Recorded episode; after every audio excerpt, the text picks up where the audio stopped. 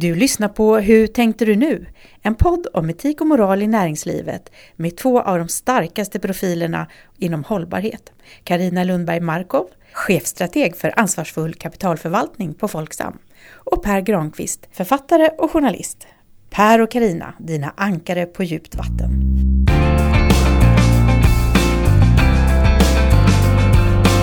Hur tänkte du nu? En podd om etik och moral i näringslivet. Ja, vi är tillbaka. Hej Karina. Hej, hej! Du, eh, idag ska vi prata konsumtionsvaror. Vad tycker du är roligast att shoppa? Ja, jag tycker att det är väldigt roligt att shoppa överhuvudtaget. Eh, Och egentligen två saker. Dels så tycker jag det är väldigt roligt att leta efter saker på antikmässor, second hand-affärer, på nätet. Liksom jaga upp den där prylen som man vill ha. Men sen tycker jag också det är väldigt kul att köpa någonting som är riktigt dyrt. Jag njuter av att, att lägga ut pengar. vad, är, det du köper då? Ja, det kan vara en, en dyr sidenskjorta till exempel. Eller det kan till och med vara en ny diskmaskin. eh, Även om inte det är lika roligt som att köpa kläder. Nej, jag fattar.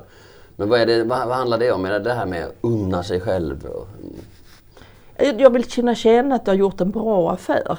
Och eh, jag känner att jag har gjort en bra affär om jag köper ett par, eh, kanske inte handgjorda, för riktigt så mycket pengar har jag inte, men, men hantverksmässigt framställda skor till exempel. Då, då, då kostar det rätt mycket pengar, men jag vet också att, att jag har en doja som jag kan ha på mig de närmsta 10-15 åren. men handlar det också då om att när du köper så säga, för billiga saker att det, det följer med den här eftersmaken om att det är någon annan som kanske betalat ett högt pris för att du ska få det billiga? Nej men jag köper inte det då. Jag, det har jag slutat med faktiskt. Eh, Det, det, det, jag, jag väntar hellre då tills eh, antingen att jag har råd att eh, köpa den dyra eller så försöker jag hitta den på andrahandsmarknaden. Och faktiskt brukar jag nästan börja på andrahandsmarknaden. Men hur hanterar du det? Liksom, dina vänner, har de samma konsumtionsvanor eller är de mer av liksom, konsumtionsatleter? Det finns nog både och. Eh, Det finns både de som har eh, mängd, som vill köpa mycket eh, och de som köper väldigt ofta. Eh, Det, det, men jag har ju flera gemensamma vänner som också gillar det här letandet.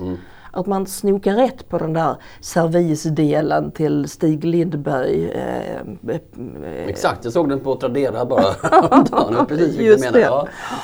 Ja. Har jag som powerkonto. Jag tycker liksom min konsumtion har gått i, i olika vågor. Ehm, Men för tre år sedan så bestämde jag mig för att jag skulle eh, sluta köpa saker på ett helt år.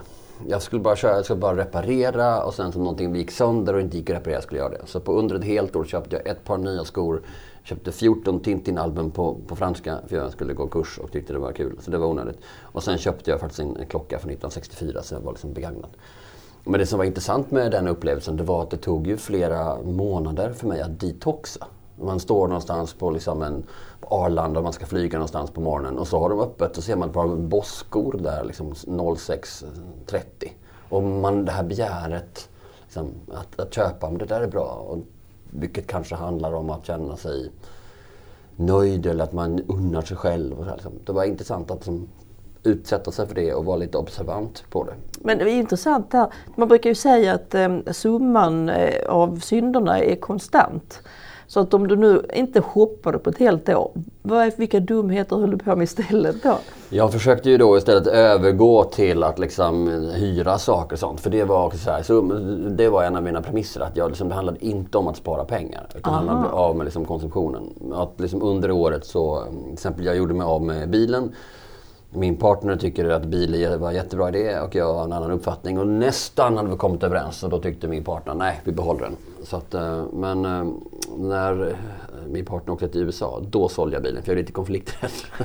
men då kunde jag säga, men nu har vi bilpool istället. Och så var det så jag försökte under hela året att liksom ändra och liksom eliminera. Mitt, mitt argument var egentligen inte hållbarhet utan det handlade mycket mer om att eliminera friktion. Aha. Att inte hålla på att byta vinterdäck, att inte hålla på med parkeringsgata, att inte hålla på så. Liksom. Men det har gjort att jag sen nu i efterhand kan, jag kan må lite dåligt när jag ser människor som konsumerar. Eller min dotter vill absolut åka till Mall of Scandinavia och hänga där. Och jag, liksom, ja, jag, jag känner mig väldigt kluven inför det. Liksom. Mm, mm. Jo, men man gör ju det. Eh, just Mall of Scandinavia är ju lite grann en vattendelare tror jag. Eh, en vattendelare mellan generationerna. Eh, därför att personer under 25 år, de tycker att det är väldigt trevligt där. Medan vi, alla vi andra, eh, tycker bara att nej men det här är alldeles för stort och det här är ju, varför åker vi hit överhuvudtaget? Ja, och liksom eh, mitt hatobjekt nummer ett är liksom ännu mer, det är ju Emporia eh, i Hyllie utanför Malmö. För där, då, där finns det inga hörn. Utan allting kröker runt. Så man bara undrar vad det är där borta? Men lyckan kanske ligger där borta bakom nästa liksom, Twillfit-butik. så man går verkligen bokstavligt talat runt, runt, runt. Ja. ja, de finns ju över hela landet de här eh, de här målarna. Eh, eh, Hell of Scandinavia brukar jag och min exman kalla barnens utflyktsmål till. Ja, lämpligt. Det, är, men, så, alltså, det här kännetecknar ju att vi har ju ett, ett komplicerat förhållande till hur vi konsumerar. Vi resonerar och vi håller på men vi fortsätter faktiskt köpa. Ehm, och det blir lite det som är en av de grejerna vi ska prata om med dagens gäster. För vad händer med miljön och hur ska vi förhålla oss till det här? Hur ska man köpa på ett, klokt sätt?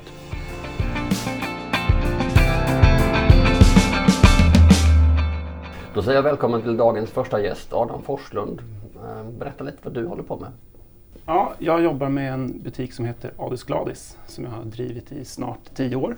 Och det är kläder och utrustning liksom lite bättre alternativ. Om vi har bomull så är den ekologiskt. Om vi har syntet så är den återvunnen. Sen har vi också en hel del så naturfibrer som typ så lin och hampa. Mm. Som även om det inte är ekologiskt är kanske ännu bättre hållbart alternativ än men, ekologisk bomull. Namnet Adis Gladis, vad står det för? Ja, men det, är, det, är, det är mitt smeknamn från när jag var jätteliten. Jag heter Adam Adis och jag var en glad skit. Men anledningen till att det heter det, det är för att när jag körde igång för snart tio år sedan, då, då hette ju varenda ekobutik och de gör det fortfarande. Ekohörnan, gröna butiken. Så då, jag ville ha ett namn som inte stod för någonting så jag kunde fylla det lite med mening. Och typ jordens räddning liksom? Ja, och grejen är att det fanns så mycket författade meningar. Mm. Så alla, många som besöker min butik, de kanske aldrig förstår hur progressiva vi är i vårt område. För att vi skriker inte ut det. Och det har nog lite att göra med att eh, då tyckte jag att det var ganska, jag tycker det är ett lite så här lökigt sätt att göra på. Så här, säga att man räddar planeten, men när man inte gör det. Så men handlar det också om att du var orolig för att uh, man skulle tänka okej okay, det är miljövänligt så då är det lite sämre? Ja precis, alltså att folk hade uppfattningen att ja, men då är det inte för mig. Alltså de hade en bild av en person som köpte ekologiska kläder av någon som gick runt i en lila särk mm. i Hampa. Alltså att, att då, det är ändå tio år sedan. Det var inte coolt. Sen Nej. har det liksom blivit liksom coolt. Det var det inte då. Så då gällde det för mig att liksom visa att det kan vara snyggt också. Så att vi tar inte in någonting bara för att det är eko, bara för att det är rättvist producerat. Eller det ska vara snyggt, bra kvalitet och gärna lite funktion. För att eh, funktion är, det är därför vi har kläder. Liksom. Mm. Men beskriv lite, hur ser, hur ser varorna ut? Hur ser, vad är det för stil? Stilmässigt så har vi nog inte så mycket en stil. Eh, det är inte så här eh, glammigt eh, festligt. Och det är ganska tidlöst. Så att våra skjortor är kanske en skjorta som en kille köper och sen om fem år kommer han tycka den är lika snygg. Det är ju inte liksom, vi är ju inte modebutik. Hur löser du det här med liksom din egen inre kompass med att, att som sälja saker samtidigt som du försöker bidra till att färre saker konsumeras? Du pratar ju om det här när man...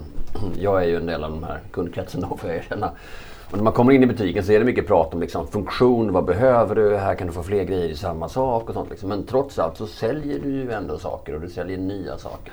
Jag skulle ljuga om jag, om jag sa att jag inte brydde Alltså det, jag tycker att det är lite så här svårt ibland. Alltså jag, ju längre jag håller på så kan jag känna att, så här, att jag, det hade varit kul om det var eh, att det, om jag kunde vara mer cirkulär som jag var min liksom, grundtanke från början. När jag började så var det, då brydde jag mig om liksom, att det skulle vara ekologiskt producerat och att det skulle vara liksom mer fair trade för att jag hade lite insikt i hur, hur produktionen såg ut.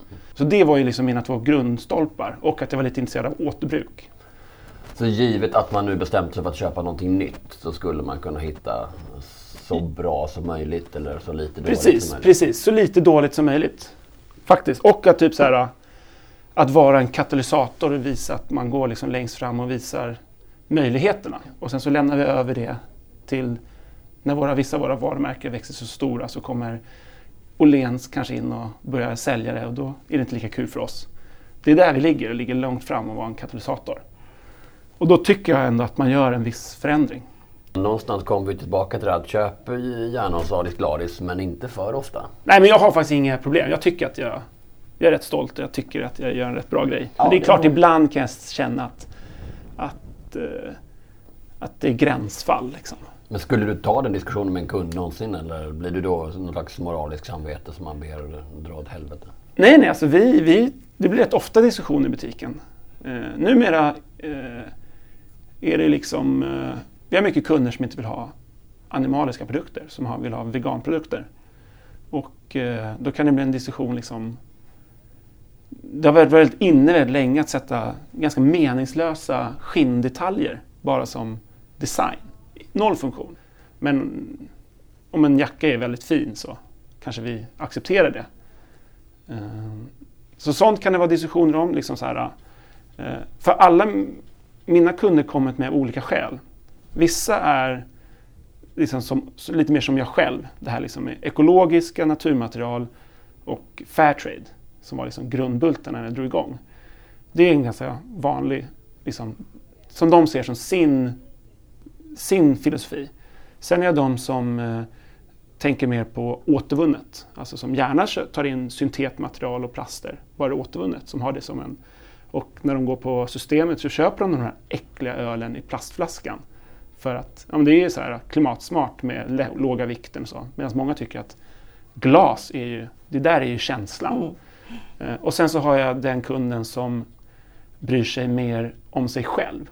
Och den kunden visste inte jag, den har jag aldrig riktat mig mot.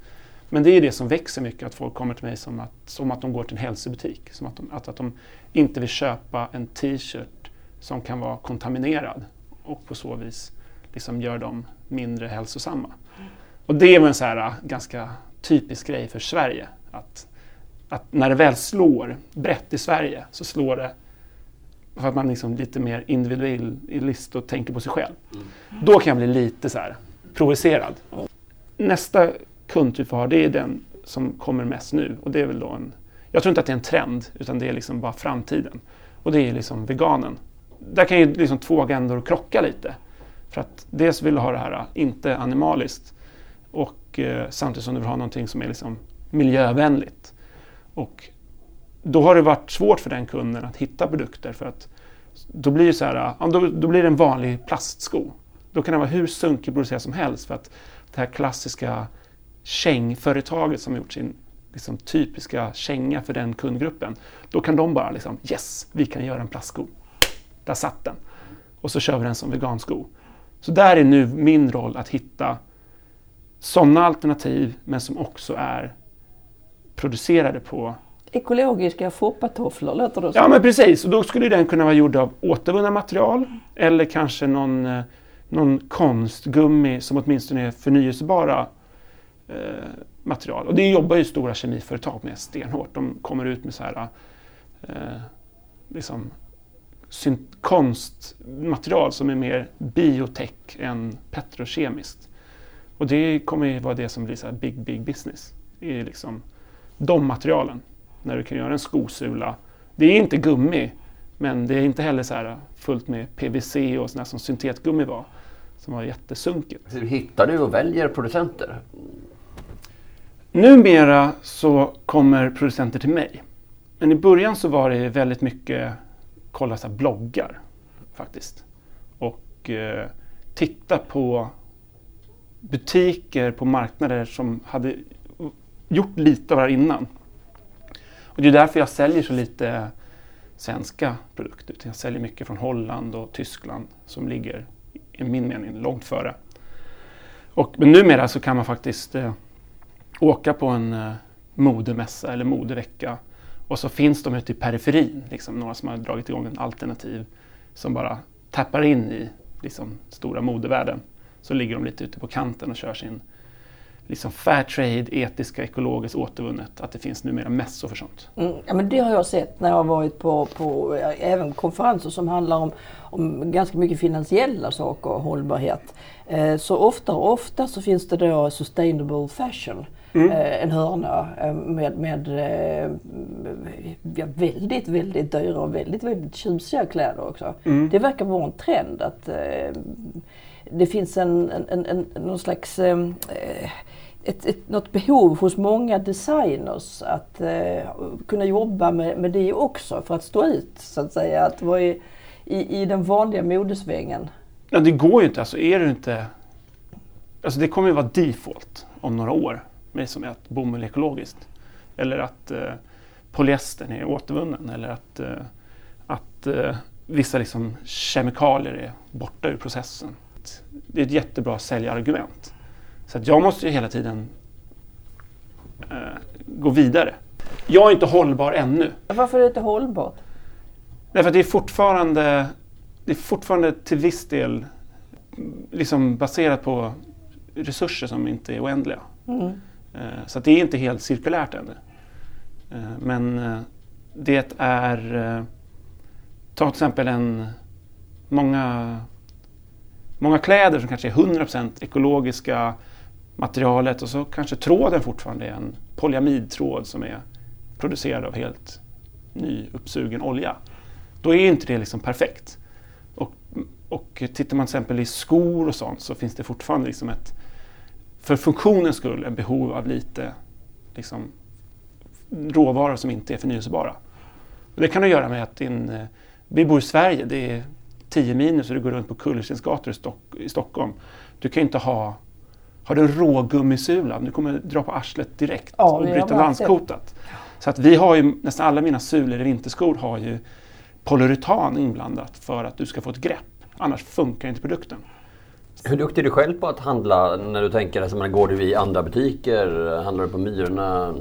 Jag brukar ibland gå till second hand-butiker för att de har mycket så här, köksinredning och grejer så kan man hitta, så mycket när vi byggde inredning till min butik så hittade vi allt det på second hand-butiker och även sådana här butiker eller företag som river ut gamla kontorsmiljöer eller tar eh, alla borden från en McDonalds när de ska bygga om en ny inredning på McDonalds.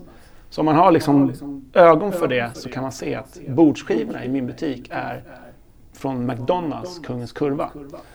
Eh, vilket är legendariska bordsskivor. Så här, plywood med grön laminat på. Eh, och sen brukar jag gå på... Eh, alltså, jag har lite konstig kropps, kropp för att kunna handla second hand. Så om jag går och ser en så här snygg skjorta på en second hand. Den kommer för korta ärmarna. Jag är inte direkt... Det, var lätt, det gick inte ens när jag var smal att handla second hand. Och mycket grejer...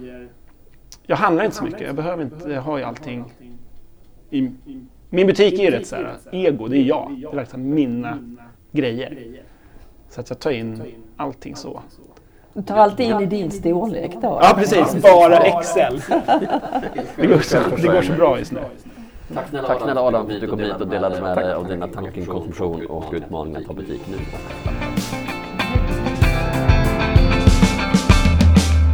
Dagens andra gäst är nu här. Välkommen Emma Enebog. Vad gör du? Eh, jag är hållbarhetschef på Myrorna och jag har också ett uppdrag i en ideell förening som heter Cradlenet och där är jag ordförande. Mm. Vad gör Cradlenet? Cradlenet arbetar för att sprida information om cirkulär ekonomi i Sverige. Då får vi fråga, vad, är cirkulär ekonomi? Hur definierar ni det? Eh, jag handlar ju om egentligen om att vi vill skapa ett ekonomiskt system som efterliknar naturen. Det vill säga där det egentligen inte finns något avfall utan allting är resurser. Så egentligen ett perfekt system som också finns i naturen. I naturen är ju faktiskt allting perfekta loopar och det borde ju också vårt ekonomiska system vara. Um, du får ta det, lite, får ta det en gång till. Var det lite för krångligt? Ja, det var lite ah. för krångligt. Ah, jag, hängde, jag hängde inte riktigt med. Jag hajade till på det där med just att naturen är så perfekt i sina former. Mm. Menar du då att um, det borde vårt köpbeteende också vara? Ungefär som Ja, myror är ju en dum liknelse för att... Nej, men ett, ett, eh, naturen är ju små ekosystem som hänger ihop. Massa olika som hänger ihop till ett enda stort. Och där är ju, finns det ju inget avfall utan, ja du vet, någon, någon äter upp någon annans bajs och något äter upp ett kadaver där. Men allt, allt hänger ju ihop. Och eh, det ekonomiska systemet är ju idag linjärt uppbyggt. Och det linjära systemet innebär att vi har inte förmåga. Det ekonomiska systemet är inte designat för att kunna ta hand om resurser. Det skapar ju en massa annat värde, tillväxt, jobb och så vidare. Men det har ingen förmåga egentligen att ta hand om resurser. Så den cirkulära ekonomin som modell vill ju skapa ett ekonomiskt system som också är designat för att faktiskt kunna tillvarata resurser. Alltså, det här med att allting hänger ihop, det blir sopor på slutet. Det måste egentligen vara en, en, nyare, en nyare idé än för innan slutet av 1700-talet hade vi väl inte sopor. Allting blev väl runt, runt förr.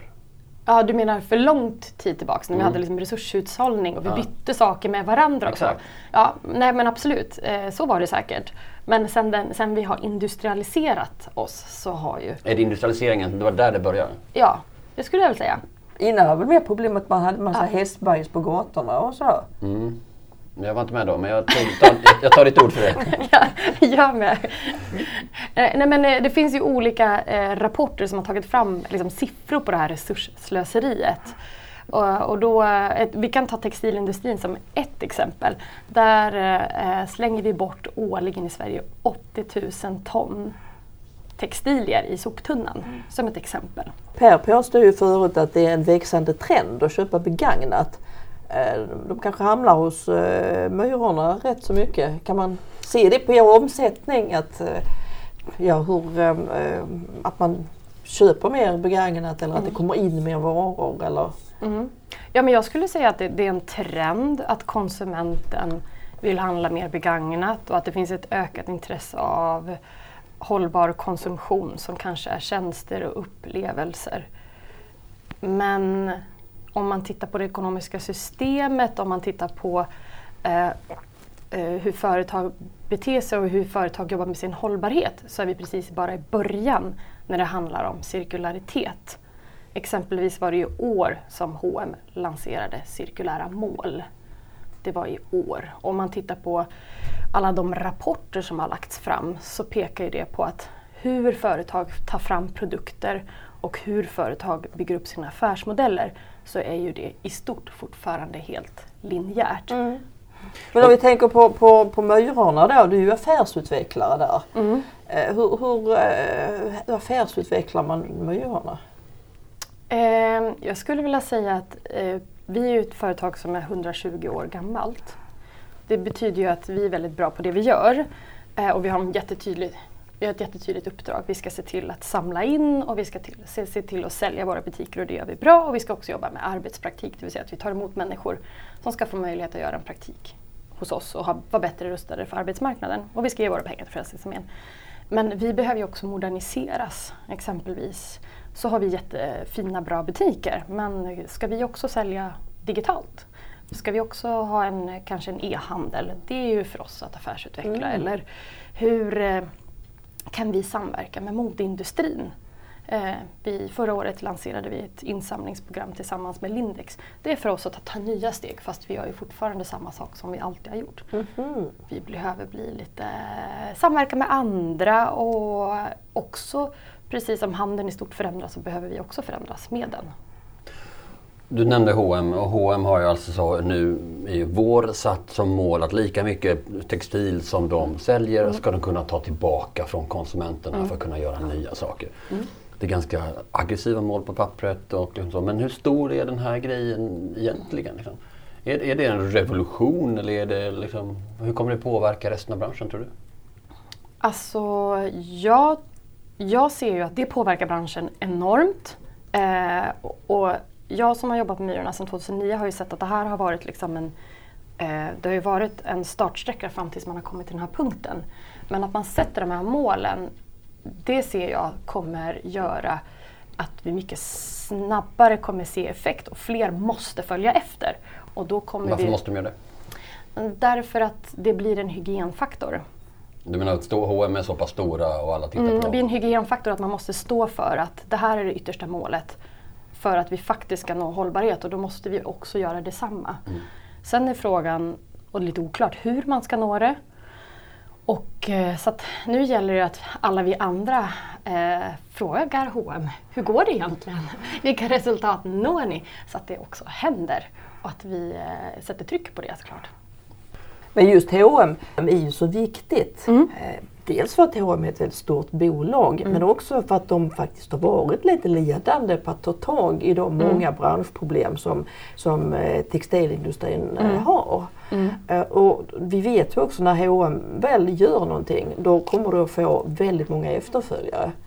Eh, och när vi investerar i H&M till exempel så är det här definitivt en av de frågor vi vill, alltid vill höra mer om. Och det den cirkulära ekonomin gör och att de sätter cirkulära mål, eh, det gör ju att där sätter man ju affärsmodellen i centrum. Det vill säga att ja, vi kan inte ha samma modell som vi haft tidigare. Det vill säga att vi ska bara sätta en massa produkter på marknaden och så ska det eh, köpas så snabbt som möjligt och sen ska vi köpa nya så snabbt som möjligt igen. Om man är lite eh, raljant så kan man ju säga att det är det som är affärsmodellen. Och när man sätter de här affärsmodell, eh, aff- cirkulära målen så säger man ju också okej vi ska förändras och vi ska förändras ganska radikalt. Och man är tydlig med det. Och då betyder det, och man sätter också affärsmässigheten i centrum. Det, är liksom, eh, det där hållbarheten blir inte som någonting perifert liksom, eller något plåster på eller någonting vid sidan av utan det blir ju verkligen kärnan av det H&M ska göra. Och det tycker jag är, är ganska modigt och viktigt. Mm. Vi har ju en massa lyssnare som är intresserade av det här med etik och moral i näringslivet och det här kanske är den ultimata liksom, moralen att liksom, ta hand om det man säljer och bli cirkulär. Men hur Ja. skulle man börja? Om jag sitter där med en affärsverksamhet där jag köper in någonting eller tillverkar någonting och sen säljer det och jag har en linjär modell. Hur börjar jag liksom böja den så att den blir lite rund? Oj, vilken utmanande fråga. Eh, jag, jag tror att det här kommer inte hända liksom, på en och samma gång utan allt sker successivt. Eh, så att jag tror att det första ett företag får göra är ju faktiskt att se över vad gör vi idag och hur kan vi göra det lite mer cirkulärt och börja sätta upp några mål. Det kanske är svårt för alla företag att sätta upp ett mål om att vi ska bli 100% cirkulära. Men man får ju ta de, de liksom man får ju ta de steg som går. Det kan ju handla om att man kanske ska titta på att använda andra typer av material för sin produkt. Det kan handla om att man ska... Så om jag byter den plasten jag köper in idag mot att använda återvunnen plast, då har jag blivit lite mer... Lite mer cirkulär. Det kanske handlar om att du ska designa din produkt på ett annat sätt så att den går att återvinna igen. Mm. Det kanske handlar om att du ska designa din produkt så att den faktiskt är i olika delar så att din kund faktiskt kan laga den på ett enklare sätt. Det kanske handlar om att du ska designa din produkt för att den faktiskt ska hålla längre. Och sen ska du informera kunden om att den faktiskt ska användas tills den är trasig. Det kan ju vara en del att göra en, liksom en, en, en mer cirkulärt. Eller det kan ju handla om att faktiskt se till att din produkt samlas in för att den ska kunna återvinnas igen. Så att det finns ju på en rad olika sätt som ett företag kan jobba för att skapa mer cirkulär. Men ytterst så tänker jag att det handlar om att kanske börja ställa sig frågan och sätta upp mål och sen så finns det nog en massa olika sätt som företaget kan göra sig lite mer cirkulär. Om vi tittar på liksom myrorna, hur ser ni på, på framtiden? Och liksom, ser den ljus ut? Den ser ju ljus ut. Ehm, Är det bra eller dåligt? Nej, jag, jag jag skulle säga så här. Eh, vi jobbar ju främst med att se till att vi ska öka återanvändningen. Eh, om man kan ta som ett exempel då när det gäller textilier så återanvänder vi i Sverige 0,9 kilo textil och vi köper 13 kilo nya kläder. Så så ser relationen ut idag. Så vi har ju en utmaning att se till att den relationen kraftigt förändras. Vi måste ju återanvända så enormt mycket mer. Så utifrån det perspektivet så har ju vi liksom bara möjligheter. För marknaden för återanvändningen måste ju bli så enormt mycket bättre. Och egentligen så måste ju alla konsumenter tänka mer second hand måste bli first hand. Så, så, att, så utmaningen för oss är väl att eh, helt enkelt bli bättre på att sälja second hand och på, på nya sätt. Och vi måste också bli bättre på att samla in så att vi sen också då kan Jag som är Sälja en, second hand. jag är en sån här entusiastisk second handare. Bra. Eh, och, och, men vad jag har noterat det är ju att alltså förr när jag var barn då, då fanns det inte så mycket second hand-affärer. Däremot så fick man eh, med jämna mellanrum och gav bort med jämna, mellanrum påsar från kusinerna. Ja. Eller påsar som skulle till kusinerna. Och så åkte de runt i släkten, eh, de här prylarna då. Eh, Och eh, sen så småningom så, så eh, började de här second hand-affärerna komma. Och när jag var i 20-årsåldern var det väldigt trendigt, åtminstone i, i mina kretsar, kanske inte hos alla men, men jag köpte ofta på second hand. Man letade efter teddypälsar och bryggarfrackar och allt vad det nu var. Men nu då, nu är det ju supertrendigt. Jag blev lite förvånad när jag hittade de här, att det finns en sån här, eh, vad ska jag säga, ha- haute couture avdelning och eh, en, en eh, mer den gamla vanliga eh, just när det gäller kläder. Nej, men eh, vi kan ju se att eh, medvetenheten och eh, eh, efterfrågan på second hand har ökat och det tror jag också vi kan tacka näthandeln för. Det är fler som hittar second hand och, och, och kanske som inte kan tänka sig gå in i en butik kan hitta det på nätet och så. Så att jag är helt, eh, absolut så är det, så är det eh, trendigt och jag tror att vi har fler olika typer av målgrupper som handlar second hand idag än för kanske 10, 15, 20 år sedan. Så att allt fler konsumenter kan tänka sig att handla second hand och det är ju väldigt positivt. Vilka är de stora grupperna som handlar second hand idag? Eh, vi har inga sådana faktiska eh, siffror men vi har gjort en kännedomsundersökning där vi har ställt olika frågor och där kan man se att, att eh, eh, yng, den yngre målgruppen är mer benägna till att ha kanske ett, ett, bredare perspektiv på hur de kan återanvända. Det vill säga att de kan också tänka sig att byta, de kan tänka sig att hyra och de kan tänka sig att få från en kompis. Eh, eller, ja, eh, så de har de har ett litet annat mindset eh, och ett mer modernt sätt på att, hur man faktiskt kan se till att återanvända i, i mycket större grad. Och det är också väldigt positivt om vi kan föreställa oss att det kanske kommer tjänster så småningom som handlar om att man ska hyra eller man kanske kan ha abonnemang eller vad det nu kan vara. Nya typer av affärsmodeller som, som eh, gynnar att vi har ett, liksom inte har det här köp och släng-beteendet. Kommer vi se det på Myrorna? Kommer ni börja hyra ut vissa grejer och frackar eller från haute couture-avdelningen och så vidare? Mm, I dagsläget så har vi inget sånt planerat utan eh, det vi ser som ett nästa steg och det vi har påbörjat med det är mer att vi ska komplettera vår, våra butiker med en, att kunna sälja på nätet. Och det är eh, ett eh, stort och viktigt steg för oss. Och det tror vi kommer bidra eh, väldigt mycket till att fler kan börja tänka sig att köpa second hand och handla från Myrorna. Men det tror jag också, just det här att, att eh, om, man, man, om man får saker och ting digitaliserat, det som är liksom vitsen med det, det är ju också att man faktiskt kan hitta de här, även om man har kanske lite udda storlek, eh, Ja. är ute efter något specifikt märke eller material eller färg eller vad det nu kan vara. Så det är mycket lättare just att om, om, om, kan, man kan, om det är sökbart eh, på internet. Absolut. Det, det, och är man, kanske har man lite tid för att konsumera så hjälper det också att man kan sitta hemma och, och, och köpa det man vill ha, Ja, även ja. second hand såklart. Så det är positivt. Men sen vill jag också lyfta att i den, i den liksom bredare debatten så tror jag också väldigt viktigt att lyfta att alla produkter som sätts på marknaden ska ju kunna eh, användas länge och ska kunna återanvändas. Det vet vi ju bara själv som konsument att så är det inte. Vi kan köpa en tröja och vi vet att, att den här kommer ju inte hålla särskilt länge. Så att eh, det blir ingen liksom, second hand om det inte är en produkt som också är gjord för att, att kunna användas av flera olika konsumenter och länge. Men även sådana där tillverka saker utav trasiga saker. Eh, Det har ju också, också en sån där nätgrej, hacks. Ja. Har jag förstått att det kallas där. Man virkar mattor av gamla tröjor och gör kuddar och, och gamla sladdar och eh, allt möjligt. Eh, Det finns ju hur mycket spännande man kan, som helst vad man kan göra av gammalt skräp. Ja, ja, ja, absolut. Och det finns nästan som, kanske inte så jättestort i Sverige, men i andra länder finns det nästan som sociala rörelser. Ja. Där man liksom träffas på helgerna och man har som workshops med en workshopsledare. Där det kanske handlar om att man lär sig att laga sin mobil. Och den sociala dimensionen kanske nästan är viktigare att träffas, göra tillsammans, än att det handlar om en, en miljöeffekt. Men, Kommer det komma hit till Sverige tror du? det finns, eh, det finns den typen av organisationer i Sverige som Makerspace som har den typen av, liksom, anordnar den typen av kurser och workshops. Men det är inte än så länge ett jättestort fenomen. Men, Vad beror det på tror du? Varför slår inte det vi som annars brukar vara snabba att hänga på trender? Eh, det kanske har med tiden att göra. Vi gillar kanske att påta vår trädgård istället. Vi kanske gör andra saker på fritiden. Eh, men det var en spännande fråga. Det vet jag faktiskt inte. Jag kan tänka mig, om jag bara utgår från mig själv så eh, tror jag hellre skulle lämna in den hos någon annan som lagar den åt mig och sen så grillar jag med mina kompisar. Men där är man ju bara... För du är för dålig på att laga. För jag är så dålig på att laga och jag gör hellre andra sociala saker. Men jag skulle ju gärna vilja ha den lagad. Absolut. Ja, så ibland så tänker jag så här att om jag ser ett, ett jättefint tyg på myrorna så Ja. tänker jag åh det skulle jag köpa sig en kudde utav. Men jag gör inte det Nej. för jag vet att jag kommer aldrig sy den här kudden utan jag kommer bygga på mitt oändliga tyglager istället.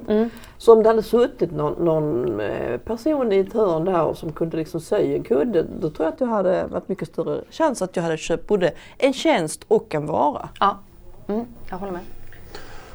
Och då skickar vi med de idéerna och så tackar vi Emma för att eh, du kom hit och eh, gav oss perspektiv på vad cirkulär ekonomi är och eh, kanske också framtiden för myrorna. Bra, tack.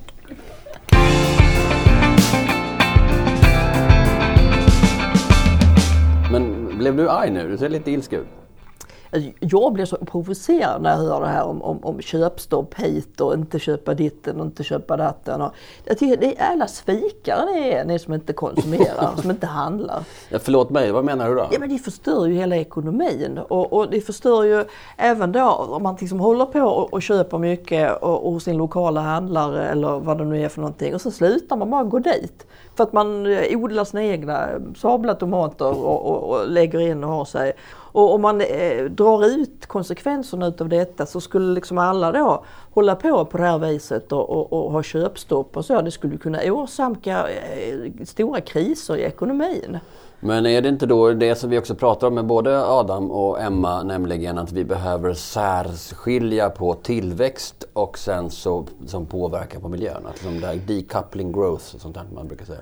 Ja, men det är ju inte alltså köpandet i sig egentligen utan det är ju hur, vad man köper för någonting och hur det har tillverkats. Istället för att sluta köpa så tycker jag att man ska dels fråga sig själv, behöver jag verkligen den här grejen? Mm, det det är är ju inte samma sak Första. som att ta köpstopp. Så. Och sen tycker jag då också att man ska, man ska eh, titta på innehållsförteckningen och, och, och eh, om inte man får eh, svar på alla sina frågor faktiskt fråga då försäljaren eller tillverkaren. Hur har den här kommit till? Var är den tillverkad? Eh, Så att man ställer krav på, det är så man, man får till en förändring. Jag tycker det är ju intressant, jag menar, eh, den uppmärksamma lyssnaren förstod väl att liksom Addis Gladis är min favoritbutik. Men mitt problem... Ja, där gäller inte köpstoppet va? Jo men mitt problem är det att nej, det ja och nej. Alltså när jag kom in där, jag vill köpa allt. För det är så himla fiffiga saker och det är hållbart. Och han är ju jätteduktig på att ha en jättelång harang om liksom hur jävla fiffig den här is, som ska, iskubsskaparen i återvunnen aluminium är och sånt liksom. Så att där blir ju också, för jag var jag inre kval, ja men behöver jag en till? jag vill ju ha, men behöver jag en till?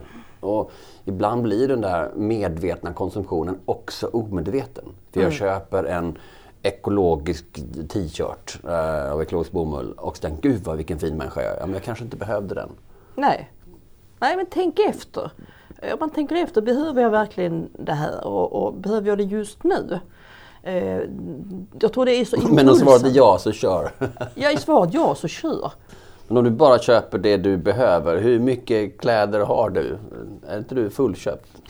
Eh, jo, till stor del är jag det. Eh, och dessutom är det sådär att, att eh, jag tyvärr då eh, faller för frestelsen att köpa flera utav samma sort. Så att jag har inte bara en eh, svart linnekavaj utan jag har flera.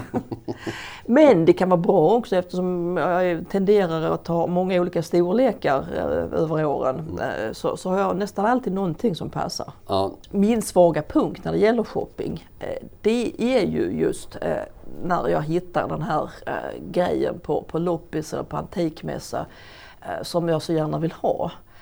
Och det är då, för min del så handlar det om glas. Eh, framförallt röda glas. Jag, hittar jag ett rött glas som jag inte har eh, och som är ett bra pris, jag kan inte låta bli att köpa det.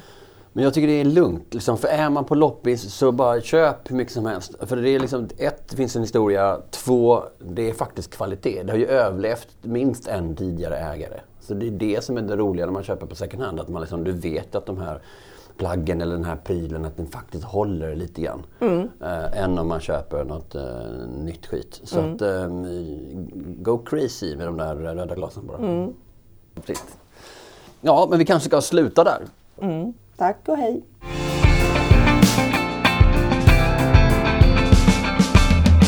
Producent för Hur tänkte du nu är Estrid Bengtsdotter. Om du vill komma i kontakt med redaktionen, om du har frågor eller förslag på saker vi borde prata om eller personer vi borde prata med, så